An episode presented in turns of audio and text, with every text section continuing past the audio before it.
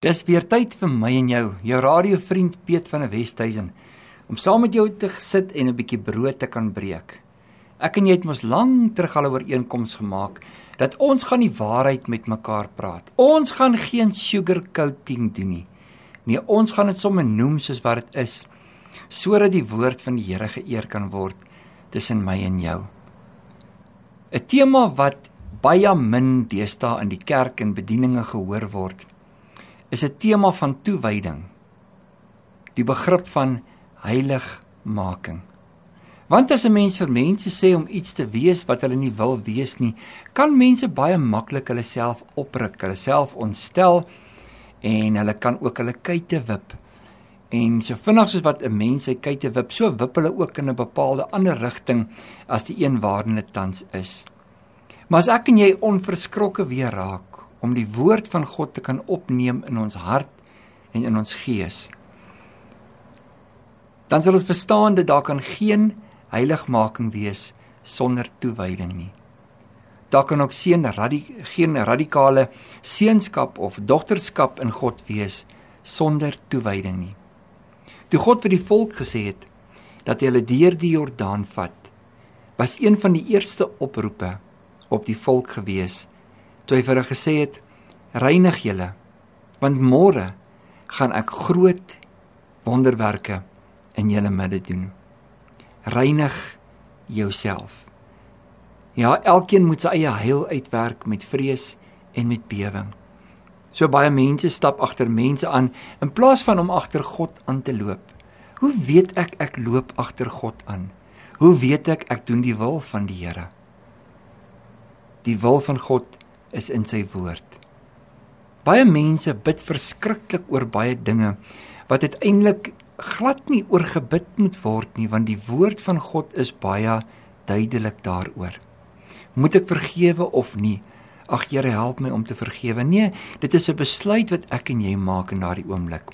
Neem jy 'n besluit sê die woord dan kom dinge tot stand. As jy nie 'n besluit neem in jou lewe nie, dan is daar geen draaipunt nie. Daar's geen omkeerpunt nie. Daar is geen rigtinggewende besluit wat jy vir jouself dan neem nie.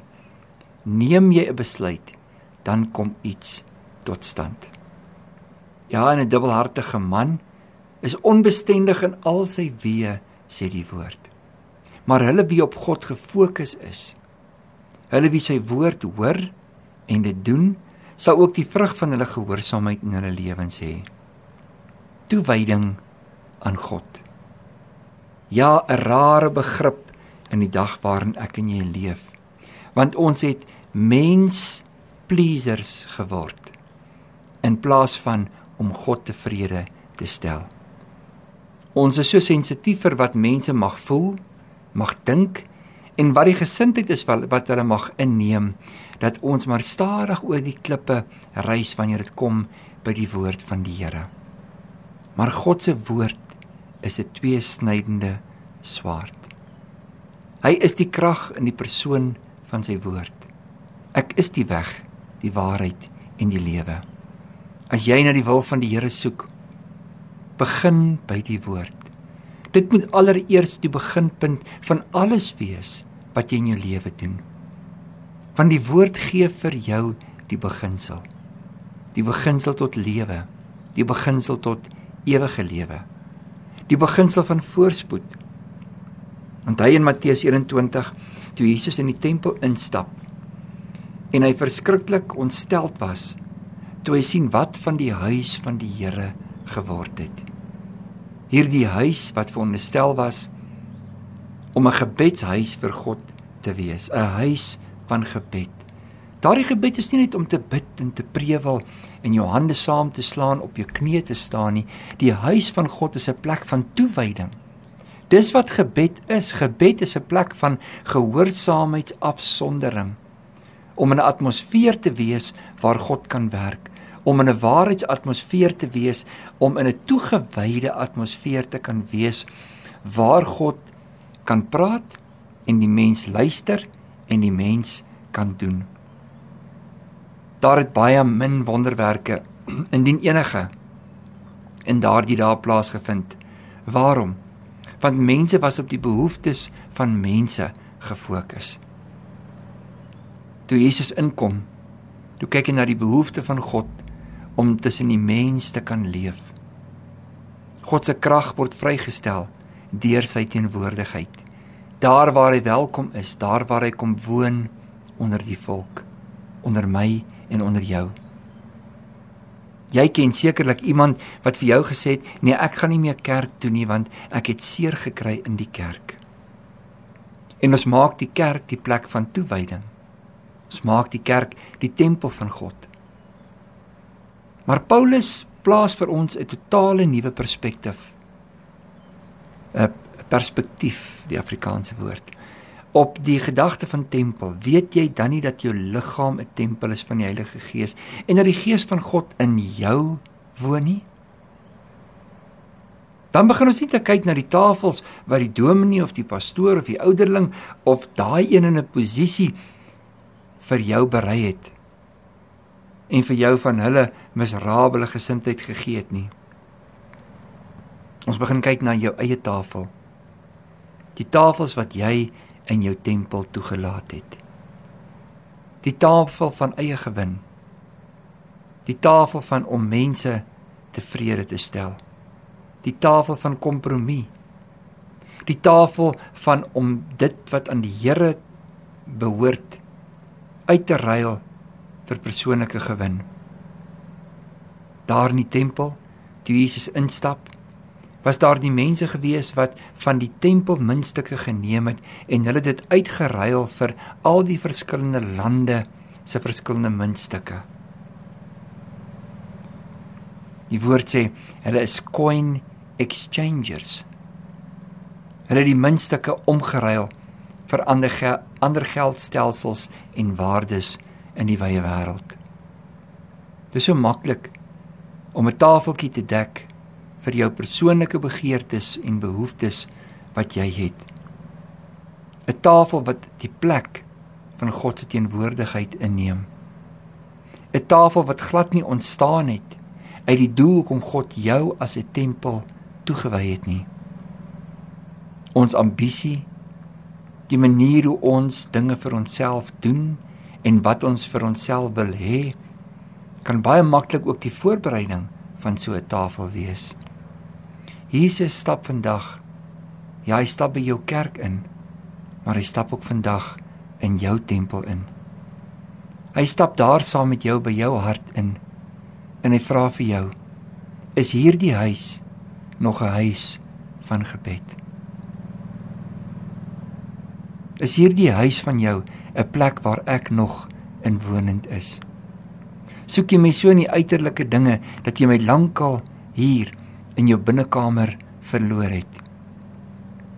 Ek en jy spandeer nie meer tyd saam nie. Jy ag nie my woord meer die waarheid tot heiligmaking nie. Wat ander sê is belangriker vir jou as wat ek vir jou sê. Die idees en kommentaar en voorskrifte en belange van ander mense het die plek ingeneem van die tafel van die toonbrood daar op die toonbrood in die huis van die Here is daar 'n ou stuk broodjie wat baie lank terug gebak is. Daai dag toe ek woord gekry het. Daardie dag toe ek nog my Bybel gelees het. Maar die ou krummeltjies is al hard. Die brood is al verdroog. Dis ou manna. Dis die ou manna van gister wat ek gedink het my deur moet dra vir die res van my lewe. Maar God wil vandag ook daar op die tafel 'n nuwe vars stoonbrood vir jou oopsny. Want sy woord is vars en lewendig. Daar's 'n nuwe woord wat God vir jou het. Maar daardie nuwe woord word nie bedien vanaf die tafels wat ek en jy vir onsself gedek het en oopgemaak het nie. Dis die tafel van die Here. Daar op die tafel van die Here waar dit begin by die offer van die lam.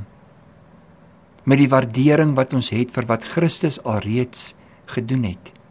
Dat ek en jy kan intap in daardie verlossings en genesingswerk wat Christus vir my en vir jou kom doen het sodat ons ook die vrug kan word van die wynstok Nou kan ander ook die lewe kom kry by my en jou. Ja, soos ek en jy ook 'n broodjie wat God kan neem, seën, breek en gee aan ander wat 'n nuwe vars woord nodig het. Die mens sal van brood alleen nie lewe nie, maar van elke woord wat uit die mond van die Here God sal uitgaan. Ja, dis waarvoor mense soek. Mense wil nie beïndruk word deur wat jy het en hoe jy lyk en en hoe jy jouself oordra. Mense soek na hom. Hulle soek na die bron van ewige lewe. Hulle soek die weg, die waarheid en die lewe. Hulle kom klop by jou tempel aan sodat daar ook 'n lofgesang uit jou tempel kan voortkom. Dat daar 'n getuienis in jou tempel is. Ja, dat die lig van die kandelaar nog steeds brand, dat die Heilige Gees teenwoordigheid daar in jou lewe nog steeds is. Dat daar net voor die voorhangsel wanneer hy kom daar by die altaar van die gebed, die altaar van toewyding, dat sy lof op ons lippe sal wees. Ja, daar waar ons al die kruies meng van ons lewe maak ons seker dat die gewig van die dankbaarheid is altyd groter as die versoeke wat ons voor hom lê. En dat ons seer nie die hoofsaaklike bestanddeel is van dit wat God in ons lewe besig is om te doen nie. Nee God kom klop vandag aan jou tempel. Jesus stap by jou in. Wat vind hy in jou tempel? Ander kan beïndruk wees met hoe dit lyk aan die buitekant. Ander kan beïndruk wees met die in en die uitstap van verskillende volke en nasies en tale wat aan aan huis kom daar by jou tempel en hulle word beïndruk deur die besigheid van hierdie tempel.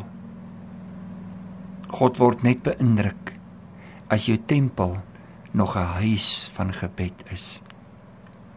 'n plek is van toewyding. 'n plek is waar Jesus self in die huis van sy Vader kan welkom voel en waar hy kan instap. Instap in die atmosfeer van sy Vader. Instap in 'n atmosfeer waar die woord van God nog saak maak.